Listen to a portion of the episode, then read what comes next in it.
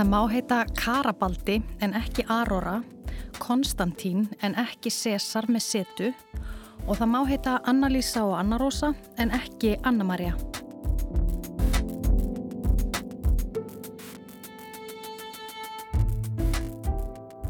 Það verðast allir hafa skoðun á úrskurðum mannanafnanemdar og svona eru svo oft stiltu upp í umræðu um þá, í fyrirsökum fréttamiðla, á kaffistofum og samfélagsmiðlum. Úrskurðirnir byggjast á reglum en samt virðastir stundum tilvílina kendir. Er ekki skrítið að það megi heita samsettu nöfnunum Anna-Lísa og Anna-Rósa en ekki Anna-Maria? Þú ert að hlusta á orð af orði og við erum Guðrún Línberg Guðjónsdóttir og Anna Sigriður Þráinsdóttir.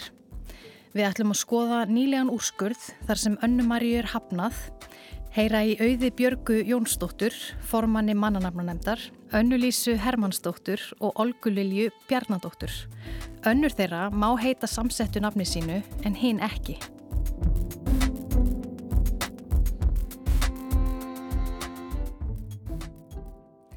Við byrjuðum á að spyrja auðibjörgu, lögmann og formann mannanafnunemdar hvort tólkun lagana sé orðin víðari en hún var áður. Við erum farin að sjá kannski nöfn samþygt sem að áður hefði mögulega verið hafnað. Já, það er klárlega rétt mat að það fara að skýra lögin miklu rimra en gert hefur verið. Og það er verið að samþykja nöfn sem voru kannski ekki samþygt fyrir fimm árum eða tíu árum. Og það kemur til að því að nú er fara að skýra þau í meira mæli með hliðsjón af stjórnarskrá og með hliðsjón af mannrættindarsáttmála og það er gert af því að domstólar hafa bent á að það ber að gera. Af því að nafnarétturinn er ríkur. Þetta er, hann er stjórnarskrá varin réttur okkar til að, til að bera nafn. Og það vantalega að bera það nafn sem við viljum láta kalla okkur. Já og, og það má náttúrulega segja að sko það hafa verið gerðar breytingar á mannanafnulögum og önnur lög hafa líka kallað á breytingar á mannanafnulögum ekki satt? Mm -hmm. og til dæmis fyrir nokkrum áratugum áður en núverandi mannanafnulög tóku gildi þá var fólki gert að taka upp nýtt nafn þegar það fikk íslenska ríkisborgari rétt ekki satt og, og hvers vegna heldur þau að því hafa verið breytt, veistu það? Ég held að það sé bara, bara tíðarandin já, erlendum ríkisborgarum hefur náttúrulega bara fjölga gríðarlega með tilhærandi sko, fjölbreytileika í, í nöfnum íslendinga. Að þeir eignast um það börn sem bera jafnvel og það er heimilsangot lögunum að þeir beri annan nafnið sé erlendna, barn erlenda ríkisborgara þarf ekki að bera íslenskt nafna fulli, þá maður heita einu íslensku nafni og einu erlendu nafni án þess að þurfa samteki fyrir því. Þannig að það ætla að skila sér út í, út í samfélagið. En svo ætla smá saman eftir sem fleiri erlendir aðlar gefa barni sama erlenda nafnið að þá smá sem hann komin hefði fyrir nafninu og þá getur íslenskur aðali sem er ekki með tengsl við, við útlönd óskað eftir þetta nafn sem teki upp á mannafnaskrá og það að þá meti hvort það sé komin það er ekki hefði fyrir nafninu að það er eigi að taka upp á skrána. Mannanafna nefnd hafnaði nýverið nafninu Anna-Maria sem samsett nafn fer Anna-Maria gegn hefðbundnum nafnmyndunareglum í íslensku auk þess sem eignarfallið Önnumarju brítur í bávið íslenskt málkerfi að mati nefndarinnar. Það geti ekki talist í samræmi við almennar rítreglur Íslensk máls að rýta tvö sjálfstæð eiginnöfn á borð við Anna og Marja sem eitt orð. Reglurnar sem nefndin vinnur eftir eru þessar. Eiginnöfn verður að geta tekið íslenska eignarfallsendingu eða hafa unnið sér hefði í íslensku máli. Nafnið má ekki brjóta í bá við íslenskt málkerfi. Það skal rýtað í samræmi við almennar rítreglur nema hefð sér fyrir öðrum rítætti og eigin nafn má ekki vera nafnbyrra til ama. Það er ekki hægt að leifa nafnið Anna-Maria vegna þess að það brítur aðra og þriðjureglu, segir í úrskurði nefndarinnar. Aðra reglu um málkerfið vegna þess að eignarfallið Önnumaríu brjóti í bái það. Ekki sé hefð fyrir því að fyrirliður samsettra orða beigist. Það er að segja ef orðið er samsett úr tveimur nafnorðum. Aðeins síðari liðurinn beigist. Eignarfallið Anna-Maríu brjóti einni í báfi málkerfið vegna þess að nefnifall veikra kvenkinsorða eins og gata og lilja myndar ekki fyrirlið í samsettum orðum. Í þeim orðum sé notað eignarfall, svo sem götuljós og liljuvöndur. Nafnið brjótið þriðjureglu um rítreglur því rítátturinn Anna-Maria eitt samsett nafn sé ekki í samræmi við þær. Það að hafna nafninu Anna-Maria sé í samræmi við það að öðrum samsettum nöfnum hefur verið hafnað í tímans rás. Og nefndin tiltekur þessi nöfn. Anna-Linda, Lilja Rós, Jón Heiðar, Hanna-Dís, Sveitn Óli, Olga Lilja, Inga Dóra, Hanna-Lísa, Sigriður Jóna og Óla Steina. Nemndin hefur líka hafna nöfnunum Guðrún Halla og Inga Dóra. En nöfnin Anna Rósa og Anna-Lísa voru samþygt á sínum tíma. Nemndin segir að þau séu ekki samsett úr íslenskum nöfnum, heldur séu þau íslensk aðlugun á erlendri nafnmynd. Anna Rósa á Anna Róse í dönsku og Anna-Lísa úr Annelíse, einni úr dönsku. Það er þarna aðeins önnur grunnhugsun að baki. Rökin fyrir því að, að það megi eða mátti, eða að nafnið Annalísa í einu orði var samþygt var mm -hmm. að það væri að ellendri fyrirmynd. Það var hérna, samþygt á þeirri fórsöndu, þarna var ekki verið að setja saman tvö íslensksnöfn, Anna og Lísa, heldur var að vera aðlega danska nafni, Annelíse, að íslensku. Og þannig kemur það í rauninni inn Já. og nú eru nokkrir nafnberar sem hafa þetta nafn mm -hmm. og er þá komin hefð á það? Orð, og það er, það er orðið samþygt og það er komin hefð Sko það já, þannig að það er samþygt og það er bara komið upp á mannafnaskrá. Já. Það var tekið upp á mannafnaskrá en hérna, þannig að þá skiptur hún ekki hvort að myndi svo eitthvað sérstök hefð hvað þetta nafn varðar. En í rauninni þó þá að Anna-Lísa sé þá samþygt að þá merkir það ekki að þó að það verið fleiri sem ber þannig að það sé hefð fyrir því að önnunöfn sem að segjum á sé eitthvað litið sambarli eins og Anna-Maria að þau telist hefðið. hefðið. Þannig að þegar það er sótt um nafn eins og Anna-Maria og það er ekki gefið, uh, gefin upp svo ástæða í, í umsókninni, nú veit ég ekki alveg hvernig þessar umsóknir eru, mm. að hérna uh, að það sé að erlendur fyrirmynd eða, eða sé mm. aðlögun og erlendur nafni, mm. þá er ekki tekið til til þess í úrskurðinum. Þá, þá er ekkit hort á þann vingil í úrskurðinum eða hvað. Nei, það er í rauninu ekki gert. Það er bara gert ráðfylgt að sé hérna séu tvö íslensk nöfn sem verður séu að setja saman. Eins og við, eins og við sjáum í fyrirsögnum mm. miðlana, fjölmiðlana, þá, þá sjáum við veist, að það er svolítið verið að stilla upp. Það má heita þetta mm -hmm. og þá er stilt upp einhverju útlenskulegu nafni eða sem er ekki, líkist ekki mjög íslensku mm -hmm. og, og, og svo öðru sem að gæti verið -hmm. alíslenskt en því er hafnað. Mhm. Og þá getur við tekið bara svona syndæmi eins og Anna Maria. Já sem er hafnað en er að öllu leiti sko í framburði Já. fullkomlega íslensk nafn. Algjörlega og mm. þá er það bara til að það tilast sko í bá við sko íslensk málkerfi mm -hmm. að það bara get ekki samramst hérna íslensku að tvön orð séu sett saman með þessum hætti. Já, það, það, e, það sem að ég ætlaði að vísa þá kannski aðeins til fymtugreinar lagana um að eina verði að taka eignarfallsendingu. Mm -hmm. Það er í rauninni, er það ekki eina beigingarlega krafan í lögunum. Mm -hmm. Það er engin annu krafa ekki um sko eiginöfn mm -hmm. en svo að það verður að taka eignarfallsendingu Já. og Anna-Maria gerir það. Já. Þannig að það er ekki hægt að vísa þá til beigingar ákveðisins með það orð. Um, nei, að þetta er raun skilir sem þarf að uppfylla og það er nóg bara eitt er að sé ekki uppfyllt til að nafninu sé hafna mm. og almennt er þannig að það er bara eitt skilarana sem er ekki uppfyllt og í þessu tilveki þá visslega fallbeist Anna-Maria, sérstaklega þegar við talum tvö orð, Annu Marju og þá erum við kemur að því að það sé ósaman við sko íslensk málkerfi ef að það er eitt samsett orð þar sem að fyrirliðun er fallbeður mm -hmm. þess að Anna-Maria verið önnu Maríu þannig að það er fallbega orð innan samsetta orðsins.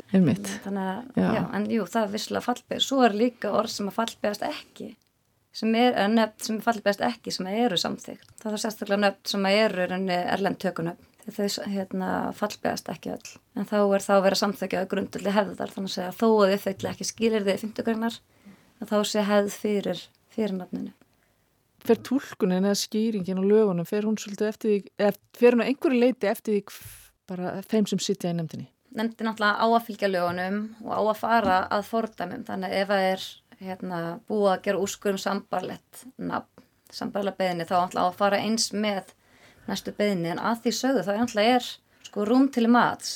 Og þá sérstaklega varandi þá aðmákvæði, því að það getur verið mjög mismöndi hvað fólki finnst vera þannig að hérna nafn geti valdið barni ama og hvað sé ekki eitthvað sem geti valdið barni ama. Þannig ég held kannski að það er helst þegar kemur að ama ákvæðinu sem er ágrinningur innan nefndarinnar.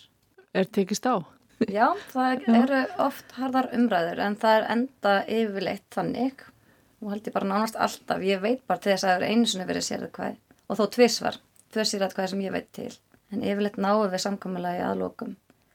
Það sem ég hef svona eftir þeim fræðingu sem vinna með mér er það bara að tala um samsett orð yfir höfu, þá er ekkert endla verið að hugsa um nöfn, heldur bara samsett orð yfir höfu og ef það, tvö, ef það er orð mynda á tveimur nafnorðum að þá eigi fyrir liðurinn ekki að fallbjast og það sé bara samræmi við Íslands málkerfi. Og svo yfirfæru það að vera nöfn. Þannig að það ætti að vera til Anna Marju og þá segjar þá samrýmst það heldur ekki því að þegar tvö samsett orður sett framann að hérna, sett saman að þá ættir henni fyrra orði verið þó í eignafalli. Þannig að þannig svo ég leiði mér aðeins að fabulera. Þá þyrti þetta nafn annarkort að vera Ann-Marja eða Önnu-Marja til þess að vera samfást samþýgt af því að það er þá stoppsamsett eða eignafallsamsett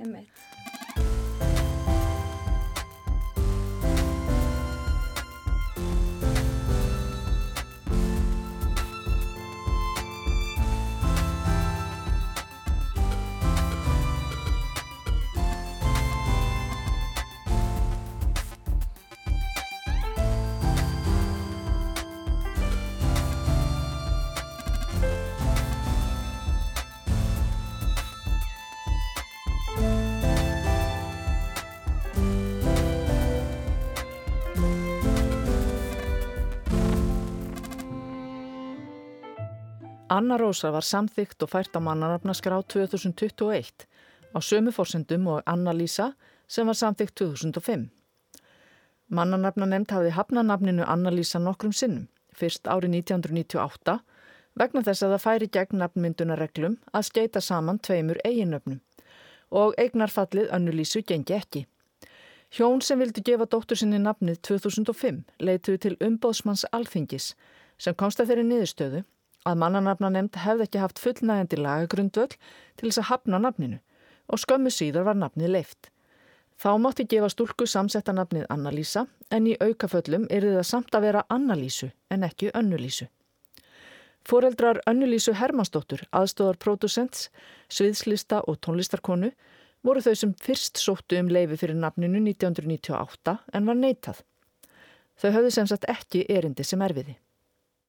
Nei, það tókst ekki fyrstu tilraun. Uh, ég var samt skýrð, en svo bara eftir ég var skýrð, þá fenguðu post.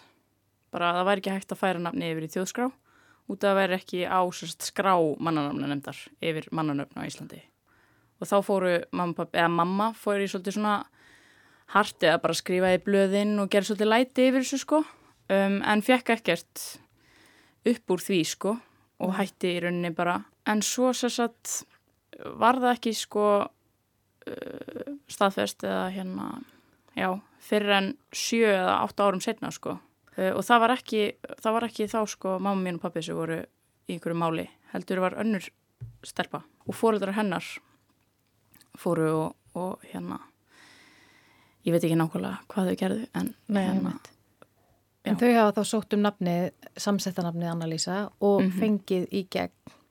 En var það ekki, fenguð það ekki gegn vegna þess að, að umbósmaður alþingis komst að ykkur í niðurstu að það hefði ekki verið rétt að neyta því? Jú.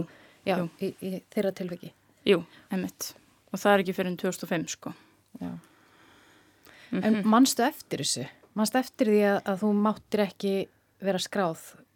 Nei, ég man ekki eftir þessu sko. Uh, ég man ekkert eftir, ég held að líka kannski hafi mamma og pappi ekkert verið að tala um þetta við mig og bara hlýft mig fyrir þessu sko. Já um, en ég var bara alltaf kölluð Anna-Lísa og alltaf bara, þú veist, og í skólanum og þú veist, alltaf bara skráð sem Anna-Lísa í einu orði. Nefnið þjóðskrá var ég skráð sem stúlka Hermastóttir og síðar svo Anna Bill-Lísa og svo þetta finnst ég, fór í bara tjarnabíu um daginn og þau eru greinilega með eitthvað gammalt database og þá stóða meðanum mínum stúlka Hermastóttir þá var ógæsla fyndið, það var fyrir svona tveimur árum Uh, ég ætlaði að spyrja að þessu, þú hefur ekkert lengt í vandræðum í skóla, skólinn hefur ekkert neitt að skrá Nei. þig undir þessu nafni. Nei, allavega ekkert sem ég man eftir sko. Notuðu sérst fóldra þínir við, þegar þú sóttum að fá þetta nafn, notuðu þau það, það sem röka þetta var í höfuð á ömmuðinni Já, sem hefði þetta. já. Og, af hún er sér satt, hún er þýsk og flutti hingað eftir stríð, bara sem lítil stelpa með sér satt langum minni. Þá var það þannig, þetta er hana, já, bara stuttu eftir stríð, þá var það þannig að uh, fólk sér satt þurfti að taka upp íslest nafn. Og þá var nafninu hennar breytt í Annalísa í einu orði. Hún hétt Annelísi og Pessel og var breytt í Annalísa Magnúsdóttir. Og pappennar látin, eða, hans nafni breytt í Magnús. Og að það voru rökin þeirra, þau vildu í rauninni bara skýra mig í höfuð á henni, henni. Og þess vegna þess vegna börðust þau svolítið fyrir þessu. Það var ekkit af einhverju þrjósku með að þessi nöfn þyrftu að vera saman. Anna og Lísa heldur bara út að þau vildu skýra mig í höfuð á ömmu minni. En ofinbera beigingin er uh, Anna-Lísa um Anna-Lísu? Já, í, í aukaföllum. já. Ég komst bara að þessu fyrir stuttu síðan sko. Það Já. var aldrei neinn uh, byggt þetta svona við mig. Nei, Þetta hljómar það svolítið enginlega. það hljómar Já. einhverjulega. Ég held ekki neina máltilfinning engin, já, það sé engin með þá máltilfinningu að segja Anna-Lísu Olga Lilja Bjarnadóttir, söngkona og förðunafræðingur, sóttu um samþykki fyrir samsettu nafni sínu 2016 en beðninni var hafnað. Þú sóttur um að fá að bera samsetta nafnið, Olga Lilja. Já, uh, sko ég er skýrð Olga Lilja í, í tveimur nöfnum en fóreldra mín er alveg frá því ég fæðist leggja mjög miklu áherslu á að bæði nöfnin séu notuð. Svo þegar ég bjóði kaupmannahöfn og fólk spurði mig hvað ég héti og ég sagði þetta Olga Lilja þá skrifa, skrifa Danir ósynrátt bara Olga Lilja í einu orði. Þetta þeir hugsa ekki ég veit ekki, þau nota millinöfn ekki jætt mikið og við. Og þá ákvaði ég að uh, reyna að breyta því hjá mannanáttan nefnd en fekk neitun að því það uh, beigðist þá vittlust. Af því að þá gætu við ekki byggt að Olgu Lilju. Mm -hmm. Alveg eins og Anna-Lísa. Já. Já, Og að fyrst- það er bara sama að, að hérna, þá er ekki hægt að beig, hafa beigingu inn í miðju orði. Mhm. Og það voru raukið sem þú fegst fyrir sinjuninni. Já, En lendur í ykkurum, af því að þú skrifa nafnið þitt samsett Já. í dag og hefur Mhm. gert í tölurverðin tíma. En lendur í ykkurum vandræði með þetta? Er, er hérna, á fólk eitthvað erfitt með að, að ná því? nei, alls ekki. Og mér finnst eftir ég byrjaði að skrifa það sem eitt nafn, þá notar fólk frekar bæðinöfnin uh, svona sem þekki mig ekki vel. Og fólk beigir það bara frá Olgu Lilju. En ég er reyndar unni mjög mikið með börnum og það er mjög algengt að börn beigi og segi ok, spurjum Olga Lilju. Að þau beigi það svo leiðis. Það er mjög áhugavert. Mm -hmm. Mjög svo. Það manni finnst þetta vera svo eðlileg beiging að segja önnulísu, Olgu Lilju. Mm Og, en þannig er eitthvað, eitthvað í máltökunni sem er eitthvað svona eðlilegt skref allavega. Hvað er þetta svona cirka guðmulbönn sem þú verið að vinna með? Þá er þetta mest svona leikskólabönn sem beigi þetta svona. Bönn sem er ekki byrjað að lesa til dæmis. Já. Já. Og þau kannski átta sig ekki á því að nafnið er samsett eða kannski gera þau það. Jú, væntalega einmitt af því að þeim finnst það að vera samsett. Já. Já, Mhm. örgulega. Þá, þá beigja þau það ekki. Já, Og líklega. tengja og þekkja til dæmis kannski ekki nafnið Olga. Já. Af því það er ekki eins algengt til dæmis eins og Anna. Mm En, en hvað fannst þér svona um að fá þessa höfnun? Sinjun á sig. Uh, ég bjóst ekkert við því að fá einhverja höfnun á þetta því þetta er bara hvernig ég skrifa það. Ég er ekki að breyta nafninu eða byggja um nýtt nafn. Hugsaði bara þá ætlaði ég að prófa að sækja mig aftur með því að láta það þá beigjast eins og sólilja. En svo hef ég ekkert gert það. Nei, já, einmitt. Að það á svona að gefa eftir Já. eðlilugu beiginguna í þínum huga Mhm. og byggjum það uh, þar sem fyrir hlutum beigist ekki. Já, En það er kannski samt minni munur á að sko beigja ekki Olga Lilja um Olgu Lilju heldur Olga Lilja um Olga Lilju heldur en Anna-Lísa um Önnu-Lísu af því að það er hljóðvarp í Önnu. mm -hmm. Þannig að það er svona, það er svona meiri, það er svona, hvað ég segja, flóknar beiging, ef svo má segja. Einmitt. Er það hugsa um að sækja aftur um? Já, af því ég veit, ég veit ekki ekkur það, það skiptir mig mjög miklu máli að bæði nöfnin síðan notuð Mm -hmm. að þetta, að ég sé ekki kvöldu Olga.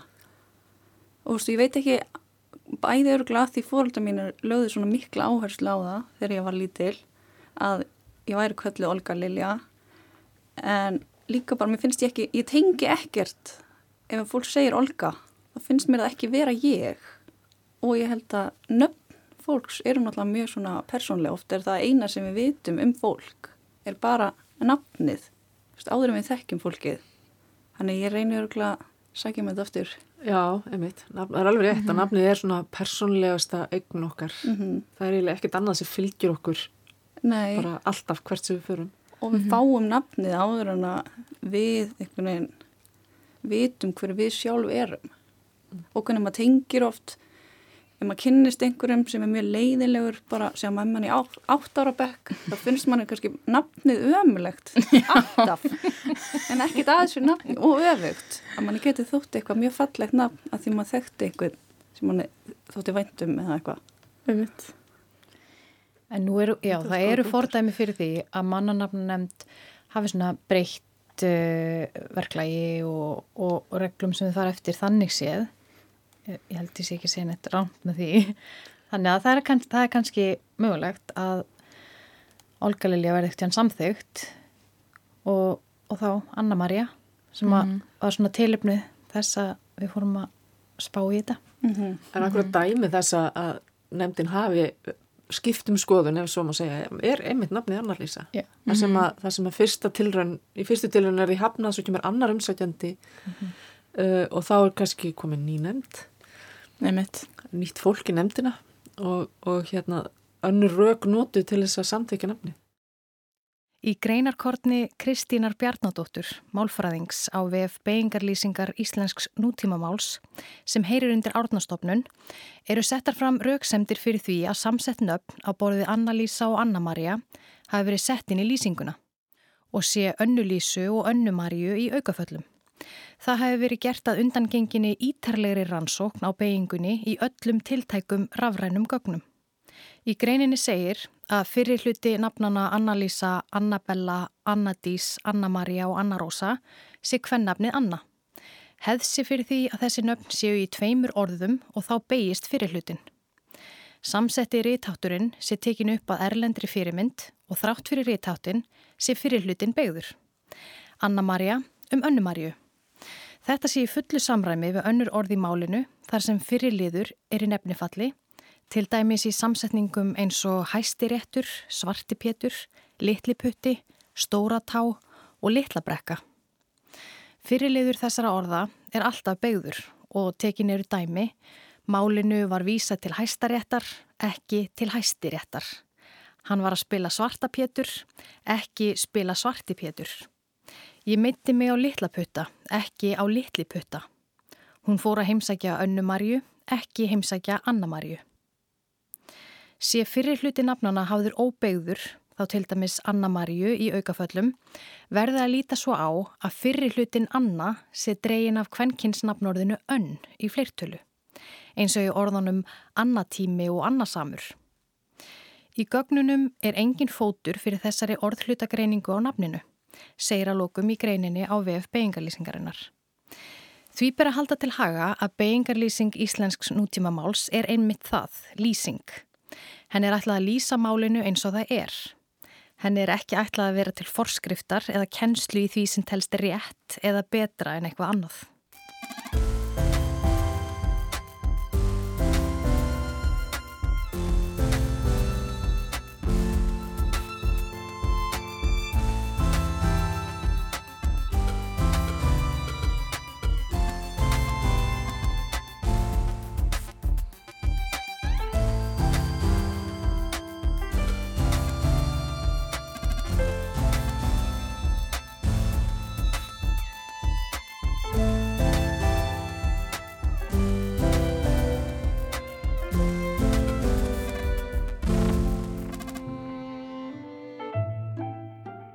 Málfræðileg rauk voru notuð þegar mannanafna nefnd hafnaði nafninu Anna-Maria, meðal annars rauk um að samkvæmt íslenskum beigingarvenjum gæti fyrirliður nafnsins ekki beigst.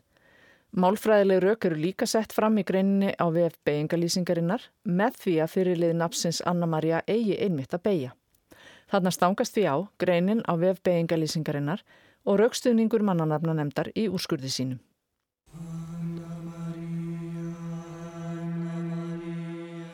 Þú varst að hlusta á orðavorði, Anna og Guðrún Kveðja með ítalska læginu Anna-Maria í flutningi Sergios Endrico.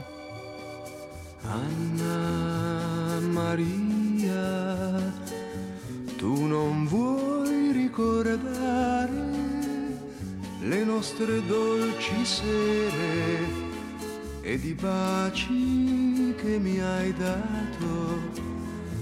Ora viviamo in sogni separati ma quel che è stato è stato, non importa se è finito, Anna Maria, sei passata nel mio cielo come una rondine leggera e l'inverno è già tornato, ma senza te. Anna Maria, di te mi resterà solo il tuo dolce nome, il tuo nome.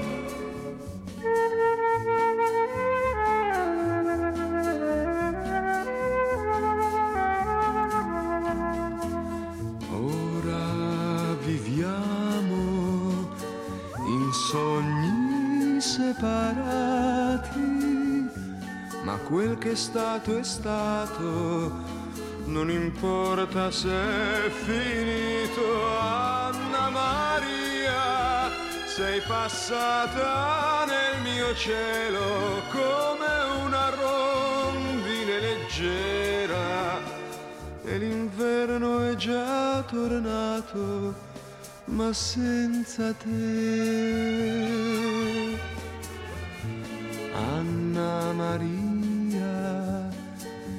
Tempo ruberà. Anche il tuo dolce nome, il tuo nome,